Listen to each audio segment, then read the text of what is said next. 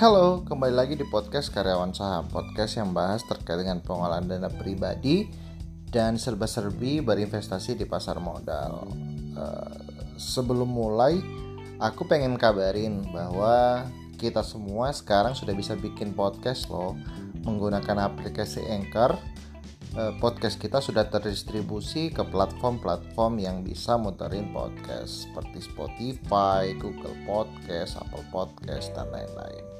Mulai podcast kamu sekarang ya. Oke, di episode ke-15 kita akan ngebahas terkait dengan pengolahan dana untuk karyawan-karyawan yang berada di middle management ya. Kita sudah pernah ngebahas ya buat fresh graduate. Memang ketika masih di level fresh graduate kita itu masih uh, belum memiliki uh, konsep berpikir yang besar karena secara pendanaan dananya bahkan belum terlalu kelihatan ya karena memang masih mengakumulasi kekayaan yang kecil.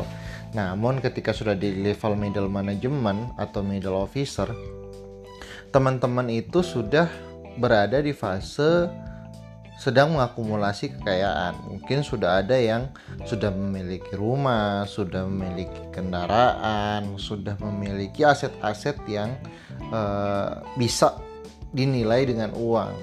Uh, namun ketika kita masih fresh graduate itu masih belum ada aset. Maka dari itu uh, saya bedakan khusus untuk teman-teman di middle management dan middle officer untuk pengolahan dananya.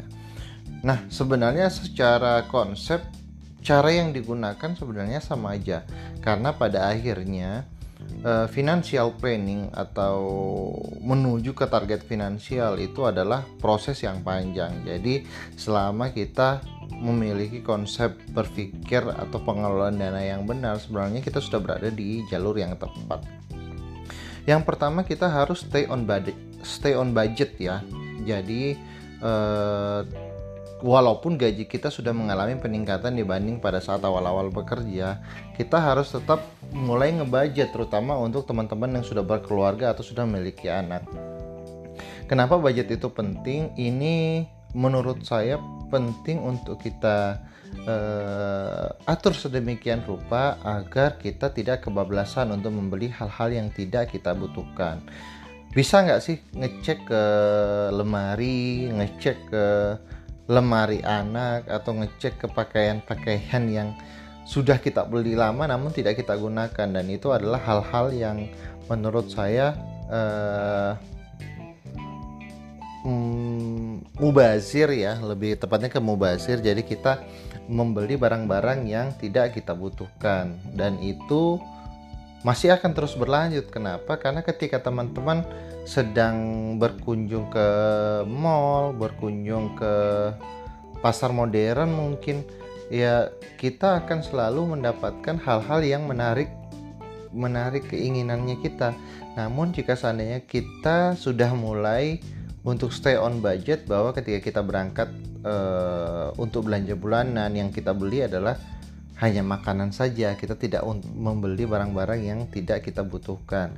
Dan biasanya juga yang kalau saya rasakan ya yang banyak menyita perhatian saya itu adalah barang-barang di dapur atau barang-barang yang eh, karena senang sama perlengkapan eh, tukang ya. Jadi senang beli hal-hal yang tidak perlu seperti bor uh, obeng yang segala macam rupa itu saya senang sekali kumpulinnya. Dan bahkan saya sekarang sudah punya satu set uh, peralatan yang sebenarnya itu sudah double saya milikin. Jadi sebenarnya sudah pernah beli sebelumnya namun karena mungkin modelnya lain jadi saya beli lagi. Nah ini merupakan sebuah kegiatan yang membahas dan sebuah contoh yang buruk ya. Jadi uh, ketika kita sudah berada di level middle management atau sudah middle officer yang kita sudah memiliki aset yang ini uh, kita harus sudah mulai stay on budget. Kenapa?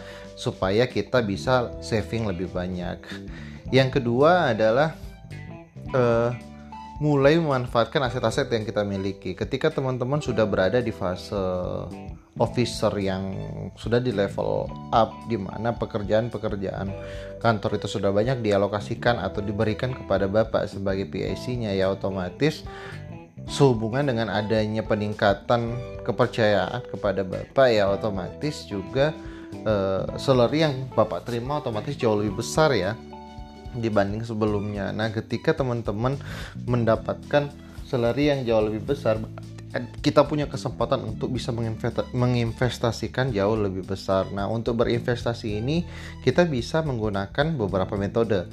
Metode yang pertama kalau misalnya kita mau uh, auto debit, jadi dia otomatis mendebit dari rekening yang gajinya kita. Jadi setiap bulan dia akan mendebet anggaplah 2 juta atau 3 juta dia akan debet ke rekening investasinya teman-teman masuk ke trading equity-nya teman-teman. Atau kalau tidak tidak mau trading equity berarti harus mengeksekusi sendiri. Jadi setiap bulan mengambil berapa dana dari gaji untuk dialokasikan misalnya ke saham atau ke reksadana ini juga harus dipaksa ya teman-teman karena kembali saya sampaikan bahwa ketika teman-teman punya target finansial yang cepat pengen financial freedom di waktu di umur yang cepat ya otomatis kita juga harus lebih agresif uh, untuk bisa mencapai financial freedom uh, financial security dulu lah dengan financial security ini jadi kita berada di fase financial security ya. Di mana kita tidak memiliki utang kita sudah bisa memenuhi semua kebutuhannya kita dan kita sudah uh, memiliki cash flow yang positif. Sehingga cash cash flow positif inilah yang kita coba alokasikan ke aset-aset investasi sebenarnya nggak harus di saham bisa juga jika seandainya teman-teman punya kos-kosan yang pengen diperbaikin. Kenapa? Karena kos-kosan ini sudah menghasilkan sudah yakin pasti akan ada pengembalian ya otomatis teman-teman bisa mengalokasikannya ke mendiversifikasikannya ke uh, aset-aset yang lain Kemudian yang ketiga ini juga penting untuk saya sampaikan bahwa di dalam teman-teman berusaha untuk mencapai financial freedom tetap untuk jangan terlalu hemat. Eh, kenapa saya katakan jangan terlalu hemat? Karena eh, kita juga pengen untuk menikmati ya, untuk menikmati hasil dari peningkatannya teman-teman, hasil darinya teman-teman. Jadi penting untuk tetap memiliki target-target kecil misalnya mungkin pengen liburan ke Bali bersama keluarga pengen liburan ke domestik bersama keluarga sehingga uh, ada balance antara niat investasi dengan kehidupan uh, kehidupan normalnya teman-teman. Karena jangan sampai kita terlalu fokus mengumpulkan mengakumulasikan wealth akan tetapi uh, fokus kesenangan-kesenangan kecil kita ini kita abaikan. Jadi menurut saya tetap penting untuk menjaga keseimbangan antara kehidupan investasi dengan kehidupan normalnya kita. Mungkin itu teman-teman ya. Jadi saya lebih ke mengarah ke fundamentalnya ya fundamental ketika kita sudah mulai di middle management aset kita sudah banyak eh, gimana caranya untuk dapat mengelola keuangan. Jadi sebenarnya ketika kita sudah di middle management kesadaran akan investasi itu sudah jauh lebih tinggi karena target-target kita sudah mulai berubah. Tadinya ketika kita masih di fresh graduate kita masih baru mendapatkan uang kita itu lebih ke kalap ya pengen mengganti isi lemari pengen punya hobi yang mahal. Tapi ketika sudah berada di umur-umur level manajemen tersebut level middle management tersebut teman-teman pasti sudah mulai berpikir jauh ke depan gimana ketika anak saya nanti sekolah? Apakah saya memiliki dananya? Ketika misalnya sudah tiba waktunya saya untuk mendaftar haji apakah dana saya cukup? Ini harus sudah mulai dipertimbangkan sehingga teman-teman tidak kelabakan ketika tiba masanya untuk melakukan hal tersebut. Kemudian yang ke keempat ya, eh, aset-aset yang teman-teman sudah kumpulkan teman kumpulkan itu jangan semua berada di bank. Tetap alokasikan dana untuk daru, dana darurat akan tetapi pastikan untuk kita menginvestasikan uh, aset kita ini tidak hanya mengendap di bank tapi kita punya uh, reksadana, punya saham sehingga kita bisa mendapatkan imbal hasil yang maksimal. Itu saja teman-teman kembali saya mengajak ya bahwa kita semua sekarang sudah bisa bikin podcast di Anchor yang bisa terkoneksi ke semua platform podcast. Kembali lagi nanti di podcast karyawan saham.